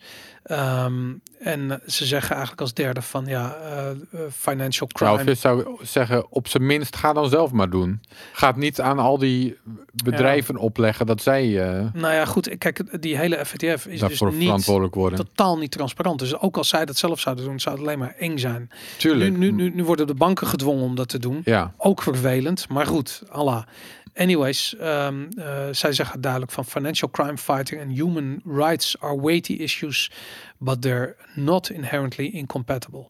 En dat is eigenlijk het hele punt van uh, nu worden de human rights op bijvoorbeeld privacy uh, en vrijheid van meningsuiting, waar financiële transacties onder vallen, um, worden eigenlijk de kop ingedrukt om een soort van spook na te jagen. Het spook van financial crime. En dat is denk ik een heel goed punt. Um, ja, ik denk dat dit een, een, een artikel is. Ik vind het extreem genuanceerd. Het, ja, weet je, ik vind dat dit, dit moet naar alle politici gestuurd worden. Ook in Nederland. Uh, je weet hoe ontzettend onkundig 90% van alle Tweede Kamerleden zijn als het om dit onderwerp gaat. Maar het is uh, toch ontzettend belangrijk dat, dat, uh, ja, dat dit doorgestuurd wordt. En dat um, ja, mensen als Thierry Baudet ophouden met shitcoins te chillen. Maar gewoon begrijpen hoe, uh, um, ja, hoe menselijke vrijheid, de persoonlijke vrijheid op gespannen voet staat. Ja, met de regelgeving van de FTF. Ja, precies. Als je je met dit soort dingen bezighouden, Cherry, doe het dan even serieus. En kijk naar het, neem een voorbeeld aan Mahir Alkaya in plaats van je shitcoins pumpen. Dit is belangrijk. Maar er zijn, er zijn er een aantal. Ik vind ook dat jouw Porter, uh, onze, uh, onze trouwluisteraar die ja, bij jaar, jaar 21 zit, zit ja, die, die, die begrijpt het ook. Er zijn gewoon steeds meer. Uh, en ook natuurlijk Robert Valentine, die uh, druk bezig is om het weg van de maximalist in te, te bewandelen. Uh, uh, ja, ik denk maar goed, dat die zitten er nog niet. Nee, daarom inderdaad. Ik denk dat we over vier jaar zullen we echt een stuk of tien uh, goede bitcoiners in de Tweede Kamer hebben. En dan hoop ik tenminste. En dat, dan zal, is dit gezeik voorbij. Maar de aankomende vier jaar wordt gewoon nog vervelend. Dat dus. Optimistisch. Ja, hè? Vier, vier jaar is het alweer, uh, zijn we het ergste voorbij, denk je. Hoeveel bitcoins hebben we nu in de Tweede Kamer? Een stuk of drie, vier? Dat kan toch wel verdubbelen? Hoe, uh, welke drie, vier had je in gedachten? Uh, mag ik Cherry meetellen? Vooruit. ik geloof dat hij bitcoin heeft. Daarom zou ik hem meten. Maar ja, snap daar verder kloten van natuurlijk. Nou, Dijkstal is natuurlijk weg. Die was ook een bitcoiner. Dat, die is natuurlijk weg. Oh, ja. we hebben maar hier Alkaya. Um, er is nog iemand van het CDA, bij zijn naam kwijt. In die ons geld discussie, of in die stichting ons geld, daar is toen een, het een en ander voorbij gekomen. Er waren twee of drie mensen die heel goed begrepen hoe geldcreatie werkte. Maar hier was er eentje van, er waren er meer. Nou goed, anyways, ik weet het niet uit mijn hoofd. Ik dacht dat er drie of vier bitcoins in de Tweede Kamer zaten. Even kijken. Uh, Binance US, uh, een grote speler inmiddels op het uh, crypto-financiële gebied, heeft Brian Brooks ingehuurd als CEO. En Brian Brooks was hiervoor hoofd van de US Office of the Comptroller of the Currency. Het klinkt zo grappig, de Comptroller of the Currency. Maar eh, hij was iemand die eh, grote politieke invloed had. ehm, snapt hoe eh, de hazen lopen als het gaat om de politiek in Washington.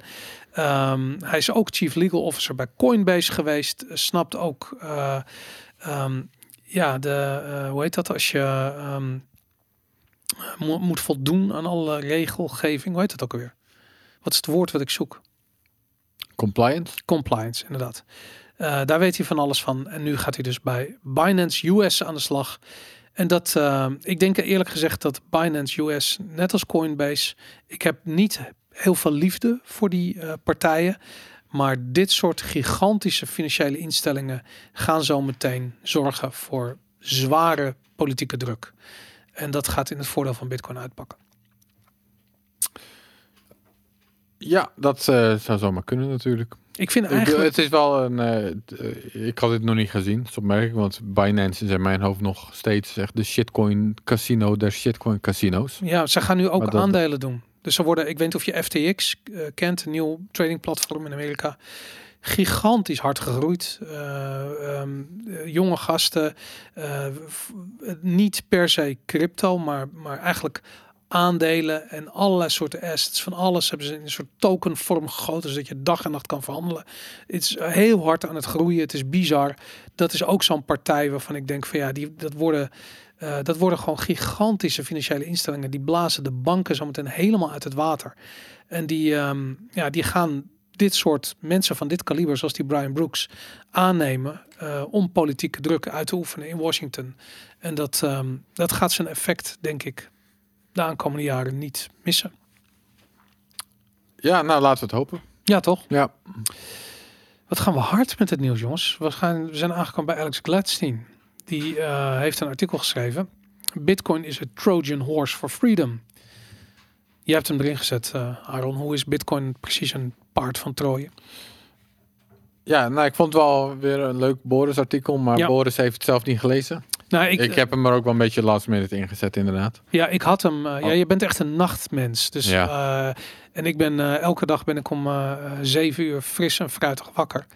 Eh, dus en vanochtend had ik geen tijd om nog de show notes door te kijken. En je hebt dit er laat ingezet. Dus. Maar goed, anyways. Maar Alex Gladstein, we kennen hem inmiddels, hè? De, Human Rights Foundation. volgens mij de director is volgens mij zijn officiële titel hè, van de Human Rights Foundation inderdaad. Ja. Eh, die heeft een artikel geschreven voor Bitcoin Magazine. Ik geloof dat hij twee wekelijks eh, columns gaat schrijven voor Bitcoin Magazine. Oké, Dit, dit is dan denk ik zijn eerste. oké. Ehm, en eh, ja, het gaat dus over hoe Bitcoin. We kennen allemaal de number go up technology. Ja. En hij heeft het over freedom go up technology. Wat Vet. daarbij, dus de, de number go up technology is eigenlijk zeg maar de Trojan horse. En dan de freedom go up technology, dat zit in de buik. Sick. En dat Ja. komt er ook uit. En ehm, de reden dat hij die analogie maakt is omdat hij denkt dat de number go up technology irresistible is, ook voor vrijheid hatende regimes. En- je ziet dat dus bijvoorbeeld al bij zoiets als Iran. Ja. Dat Iran nu bitcoin aan het eh, adopteren is om op die manier internationale handel, voor internationale handel te gebruiken en dus sancties te kunnen Ja, ehm, bypassen. Ja. Wat, wat is het Nederlands woord? Maakt niet uit. Bypassen. omzeilen. Omzeilen, heel, Ja. heel goed, dankjewel. Ehm maar goed, wat daar, dus Iran die, die ziet daar een oplossing in, of beter gezegd, de Iranese overheid ziet daar een oplossing in. Ja. Maar door Bitcoin op die manier te adopteren, ja, zorgen ze er ook voor dat Bitcoin in dat land een ding wordt. En dat zorgt er bijvoorbeeld weer voor dat ehm, vrouwen in Iran een bankrekening, geen bankrekening meer nodig hebben. Volgens mij is dat in Iran zo, of was dat Afghanistan? Nee, Saudi-Arabië. Allemaal één pot nat, of niet? Dat is allemaal hetzelfde. maar je hebt gelijk. Um, Dat, eh, ja. beledigen we waarschijnlijk een miljard mensen. Maar eh, de, dus de, de, de vrijheden, de individuele vrijheid die Bitcoin embed, die ja, komt dan ook mee naar binnen. Die komt dan ook het land in. ja, Dus zo'n regime die heeft zelf Bitcoin nodig om bepaalde dingen voor elkaar te krijgen. Maar daarmee ja, zetten ze eigenlijk de deur open voor het volk in zo'n land om ook Ja.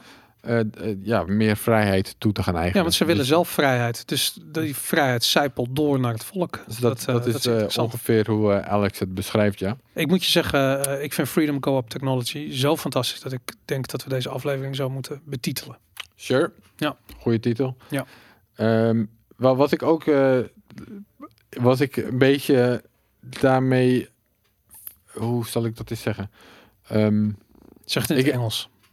nee, Willem Middelkoop, die heeft het er wel eens over gehad, ook in deze, deze show, dat centrale banken sowieso geen bitcoin gaan adopteren, want dat gaat in tegen hun eigen belang. Ja, daar ben ik niet mee eens hoor. Nee, ik dus ook niet. Nee. En ik denk, dit is daar ook een reden. Dat, dat gaat ervan uit dat centrale banken bijvoorbeeld allemaal met één gedachte werken. In plaats dat ze ook met elkaar. Centrale bank koopt toch ook goud? Dat gaat dan toch net zo goed in tegen de, eh, weet ik veel. Dat, dat denk ik ook, ja. Ja. En, en dus als het voor elke centrale bank individueel zeg maar een goed idee is. Ook al is het collectief misschien niet. Gaat het collectief ten koste van hun invloed. Ja. Zolang het voor elke individuele centrale bank. Of elk individueel land, om het dan zo te zeggen, in het voordeel is. Dat is ik de technology. Daar zijn zij niet ongevoelig voor. Nee, dat lijkt me ook niet. Dan Ja. zie ik de dynamiek nog steeds uitwerken. Dat dat dus ook in die, op die niveaus uiteindelijk geadopteerd gaat worden. Ja. Niet nu. Ja. Dat zal nog wel even duren. Maar uiteindelijk zie ik geen reden waarom die dynamiek, die number co technology en die goud properties niet net zo goed eh, op zo'n niveau hun effect gaan hebben. Ja, absoluut. Dat, eh, eh, ja, helemaal mee. Ik, eh, wat ik zei, ik vind dat we, we hebben nog niet genoeg voorbeelden. Kijk, we hebben natuurlijk wat voorbeelden uit Venezuela gezien. Daar is nu eigenlijk het, eh, ehm, ik wil niet zeggen de langste dus. Maar Venezuela is trouwens ook een voorbeeld wat Alex Frets in. Ja. Ook een soort van, eh, nou niet echt een vrijheid. eh, Nee, Venezuela is een regime. beetje een troebele situatie. Dat is, eigenlijk- want de problemen die in Venezuela spelen, spelen in iets mindere mate in veel andere Zuid-Amerikaanse landen ook. Ehm, en maar bij Iran zie je gewoon heel duidelijk de, ehm, ja, de gespannen voet waarop de situatie in Iran zich verhoudt tot de situaties in andere eh, plekken in het Midden-Oosten. Dus je ziet, kijk in Argentinië, daarvan zou ik zeggen, is dat een vrij land? Ja, enigszins wel. Maar de capital controls duiden op grote monetaire problemen. Dus ja, in hoeverre is dat anders dan Venezuela? Behalve dat Venezuela erger is. Iran en bijvoorbeeld, ehm, weet ik veel, Kuwait en Saoedi-Arabië zijn totaal verschillend van elkaar daarin. Je ziet gewoon dat Iran heeft te lijden onder die, eh, onder die sancties. Eh, die moeten daar iets mee, die worden gedwongen eh, om, die, om die Freedom Co-op technology te gebruiken voor hun eigen doel. En dat, ja, dat, dat, een, dat dat een Trojaans paard is. Ik vind, dat, ik vind dat werkelijk fantastisch. En ik moet je zeggen dat dat een van de belangrijke ehm, eh, drijfveren voor mij is om enthousiast te zijn over de staat van de mensheid op dit ogenblik. Ondanks dat het zo, ja, ik weet niet, veel mensen zijn neerslachtig over de wereld waarin we nu leven. En ik ben juist heel positief, omdat ik zoiets heb van ja, weet je, wat je nu ziet is dat er overal het Trojaanse paard van Number Go Up Technology naar binnen wordt gereden. En die mensen zich allemaal niet snappen dat ze zometeen vrij zullen zijn. Ja, wel in de context van een imploderend eh, monetair systeem. Dat gaat even vervelend zijn. Maar ja, eventueel, als genoeg mensen bitcoin hebben, komen we er wel doorheen. Denk ik. Hoopvol. Hoopvol. Eh, hoopvol message. en dat is waarom we de bericht. Bitcoin Show maken. Want luister, als het monetaire systeem klapt hier in Europa en 90% van alle Euro- Europeanen hebben Bitcoin, dan gaan we soort van volledig pijnloos overschakelen op iets anders. En nou wil ehm, Christine Lagarde heel graag dat dat de central bank digital currency van de EU gaat zijn. Maar eh, dat is niet Freedom Go Up technology, dat is Freedom Go Down technology. En ik denk als mensen kunnen kiezen tussen Freedom Go Up technology en Freedom Go Down technology, dan kiezen ze de Freedom Go Up technology. Toch of niet? ik wel. Ja, ik ook. Ja. het is alleen dat ze het even moeten luisteren. Dus luister naar de Bitcoin Show. Stop alsjeblieft met gokken in het shitcoin casino. Kies voor Freedom Go Up technology. En ja, verspreid het woord. Zullen we nog een... eh, Bitcoin boekclub. ja, Ja, ja, ja. daar hebben we nog tijd voor, hè? Ja, we hebben, we hebben nog tijd. Nou, ik zou zeggen, trappen erin. De Bitcoin Boekclub. Yay. Nou, Aaron, wat heb je deze week weer meegenomen? Deze week heb ik meegenomen, Boris, het boek Bitcoin Independence Reimagined van Knut Swal, Svan Holm. Swan Holm. Ja, Hou ik heb het gelezen. Ik heb het eindelijk een keer een Heb bit- jij hem helemaal gelezen? Ik heb deze helemaal We kunnen er samen over praten. Absoluut. Nou, dat geeft een hele nieuwe dynamiek aan de Bitcoin Book Club. Het is zijn tweede. eh, ik moet zeggen, hij is eh, niet dikker dan het kleine Bitcoin boekje. Ik heb, Nee. hem, ik heb hem als audioboek geluisterd en ik had hier een podcast aan het luisteren. Was zo snel was het voorbij. Oh ja, dat zal wel, In anderhalf uur of zo heb je hem, eh, heb je hem uit. Maar dit is zijn tweede boek. Weet je wat zijn eerste boek is? Ja, Bitcoin Sovereignty Through Mathematics. Ja, Sovereignty from Mathematics. Ja, die heb ik dan nog niet gelezen. Die is Eh, wel beter, moet ik zeggen. Ja? Ja, omdat hij daar eh, eigenlijk heel erg over de filosofische kant van Bitcoin eh, schrijft. Nou, dat vind ik Mhm. altijd leuk. En dit, ehm, ja, dit boek ging hem. Dit, dit was een beetje alsof hij hardop aan het nadenken was. Oké, nou, ik, dat is niet heel anders dan mijn opinie, denk ik. Hm. Maar ik vond ook... ehm, ik, ik, ik moet eerlijk zeggen, ik heb het boek niet uitgelezen. Niet. Ik moet gewoon eerlijk zeggen, Boris. Kijk, ik heb ook... eh, Dit, dat ook vind ik knap, want je leest het. Ook al is het een dun boek, ja, maar ja, ook mijn dag heeft maar 24 uur. En op een gegeven moment had ik iets van, ja, dit, ik vind het allemaal niet heel erg goed doordacht eh, overkomen. En ik had een beetje de indruk alsof het geschreven was door een fan die heel erg enthousiast was en allemaal eh, dingen ging vertellen. Dit is, dit is vet, en dit is leuk en, dit, en ik heb nog een cool idee. Ja. En daar is op zich niks mis mee, maar ja, ook weer wel. Zeg maar, ik, ik bedoel, ik ben ook wel ik ben ook wel fan van Ajax of zo, maar als ik dan een wedstrijdverslag lees, dan wil ik toch een beetje de indruk hebben dat er misschien ook een kritische noot kan worden. Of dat het, als het echt eh, te Ja, het moet je aan het denken zetten. eh, Het moet je aan het denken Ja. zetten, ja. Maar dat is natuurlijk ook een beetje het probleem. Dat ik, als ik, je vond dan. ik heb één voorbeeld wat ik wel, ik had hem net precies op de goede pagina over, opengelegd, tot ik het ging laten zien. Nou ja, het ging erover, in hoofdstuk 1 ging over dat geld eigenlijk een soort van sociale consensus is. Dat Ja. geld eh, Social construct. een social construct is. En daar ben ik het mee eens. Ik denk inderdaad dat geld een social construct is. Alleen op een gegeven moment ging je dan opeens een heel gekke kwink, een, een, een, een gedachtesprong maken dat Bitcoin dat dan niet zou zijn. En de argumentatie daarvoor was iets in de trant van zolang miners ehm, eh, in hun eigen interest blijven handelen, dan zal de 21 miljoen limiet gewaarborgd blijven. Terwijl, nee, sorry, dat, de, miners gaan helemaal niet over de protocolregels überhaupt. We hoeven helemaal niet te vertrouwen dat miners iets in hun eigen interest blijven doen. Jij. Bepaalt wat de regels zijn die je op je eigen nood draait. Jij bepaalt of de 21 miljoen limiet er is. Ja. Dat is wat het bepaalt. Dus Sterker nog, als, als het Dus- aan miners zou liggen, zouden ze er belang bij hebben om meer coins eh, eh, te kunnen minen. Misschien wel, ja. Dat zag je met, eh hoe heet die bug ook alweer, die, die endminers hadden ingebouwd. Dat ze, dat ze efficiënter konden minen. En dat kon ASIC boost. ASIC boost, inderdaad, dat was het, ja. Ja, misschien een beetje anders dan. Ik bedoel, daarmee konden ze niet meer inflatie. Nee, maar de- met andere woorden, als ze dat al kunnen eh, Ja, en ja. doen, wat zouden ze doen als ze individueel, eh, niet als ze met z'n allen, maar als individueel iemand meer coins zou kunnen minen, zouden ze het doen. Ja, maar goed, dat vond ik dus een voorbeeld van. Oké, het ging even de goede kant op voor mijn gevoel, dat hoofdstuk. Van nou, in, Ja. i- inderdaad, geldt een soort van sociale consensus. En opeens, nee, maar Bitcoin niet. Bitcoin is wel een soort van objectieve waarheid. Nou, Ja, dat is iets wat een fan schrijft, Ja. maar niet iets waar, waar ik me echt in kan vinden. En, Nee, zo, vind- en ik zo kwam ik nog een paar van die dingen tegen, mhm. eh, waardoor, eh, waardoor ik eh, gestopt ben met lezen.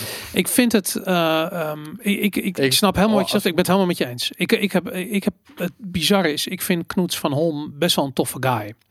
En ik had echt het idee dat eh, hij over dat eerste boek, Sovereignty from Mathematics, wat eigenlijk een soort The Sovereign Individual Light is. ehm, eh, ik heb het gewoon het idee dat hij daar, daar heeft hij lang over nagedacht. Daar heeft hij echt een paar jaar, heeft hij op dat boek zitten broeden en dingen geschreven. Weet ik wat. Het was, het zat gewoon goed. in- Het voelde dik, intellectueel wat dikker aan. Weet Hmm. je, ik bedoel, goed onderbouwd. En dat je denkt van, ah, wauw, daar heeft hij goed over nagedacht. En dit, wat ik zei, dit heeft hij gewoon, ik weet het niet man, dit heeft hij in, in, in vijf dagen geschreven. Dit, Zo komt het een beetje op me over. Ja, Maar dan eh, ga ik die ook nog lezen. Ja, en dan dat- doen we het eigenlijk in de verkeerde volgorde, maar dan komt die ook nog terug. ja in de deze had je niet hoeven lezen, maar dat, eh nou goed. Dat, Ja, eh, sorry. eh ja, Knoet. Knoet. geen aanrader eh, van ons, blijkbaar voor ehm, Nee. Independence Reimagined. Ik moet zeggen, ik vind het ook gewoon, het is gewoon een veel te dun boek. Dat heb ik, ik bedoel, het kleine Bitcoin boekje dat hebben ze tenminste nog zo genoemd. Maar als je nou een boek schrijft en je komt met dit aan, met dit tijdschrift aanzetten, dan heb ik zoiets van, ja, dit, dit, Ik bedoel, ze hebben ook nog grote letters gebruikt, of niet? Ja, zie je. Nee, ja. Oké, nou, geen eh, aanrader. Nee, eh, geen aanrader voor, voor blijkbaar. Vind je niet ook dat het steeds moeilijker is om, om een interessant Bitcoin boek te lezen? Om er een te lezen? Ja, voor maar één te vinden. Ik bedoel, ik heb heel vaak dat ik afhaak. Dat ik denk van, nou, nu komt er een nieuw boek. En dan, het is, ik heb Layered Money gelezen van Mhm. eh, eh, Nick Batia. En ehm, weet je, het, heeft een soort, precies als dit boek, ze hebben allemaal hetzelfde stramien. Namelijk, we gaan het eerst eens even hebben over de geschiedenis van geld. En dan gaan we het stukje technologie erin doen. En dan, tada, daar is Bitcoin. En nou jongens, en een prachtig toekomstbeeld en klaar. Ah, dat was het weer, weet je. En dat, is, ik ik heb nou ze- zeker wel drie of vier van dat soort boeken gelezen. En ja, ik ken het wel of zo.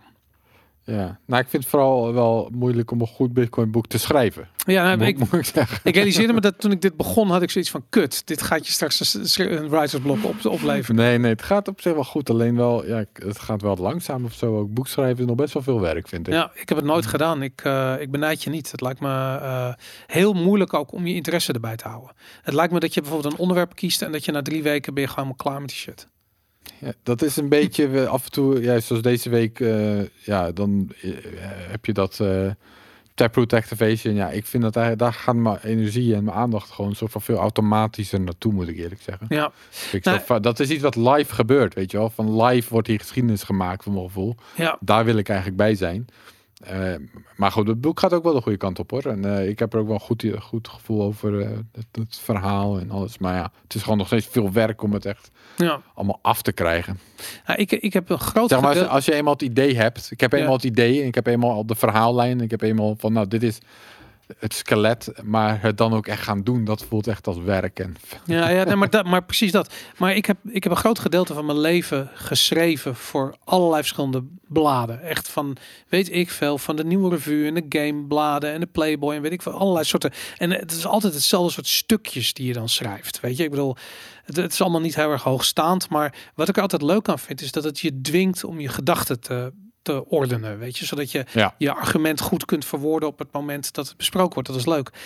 Ehm, het grappige is met het maken van podcast, is dat ik daar hetzelfde in vond.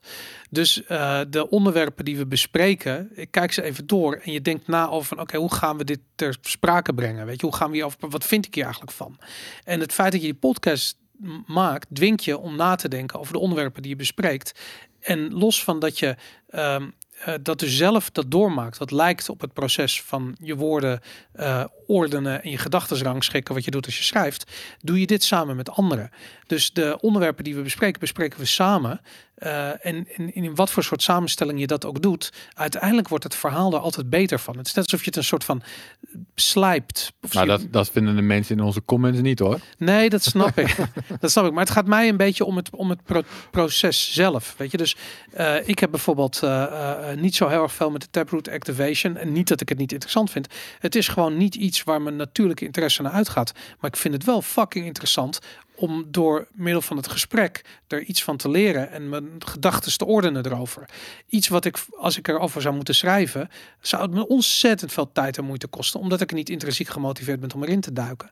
En dat vind ik het leuke aan podcast maken, dat je dat zodra je Ehm, het duurt tot een paar afleveringen, maar als het dan eenmaal gaat lopen, dan merk je ook gewoon van ja, dan, vindt dat proces plaats waarin je, eh, weet je, ik bedoel, vaak genoeg loop ik rond met een of ander nieuwsartikel van idee of weet ik wat. Precies van, ah, dit, dit moet ik met Aaron bespreken, of dit moet ik met Jan bespreken. Ik ben benieuwd wat Jan hier vindt. Dat hele verhaal over inflatie is eigenlijk een, een, een, een doorlopend eh, gesprek, wat steeds een beetje bijgeschaafd wordt aan de hand van nieuw nieuws of, of ontwikkeling of weet ik veel wat.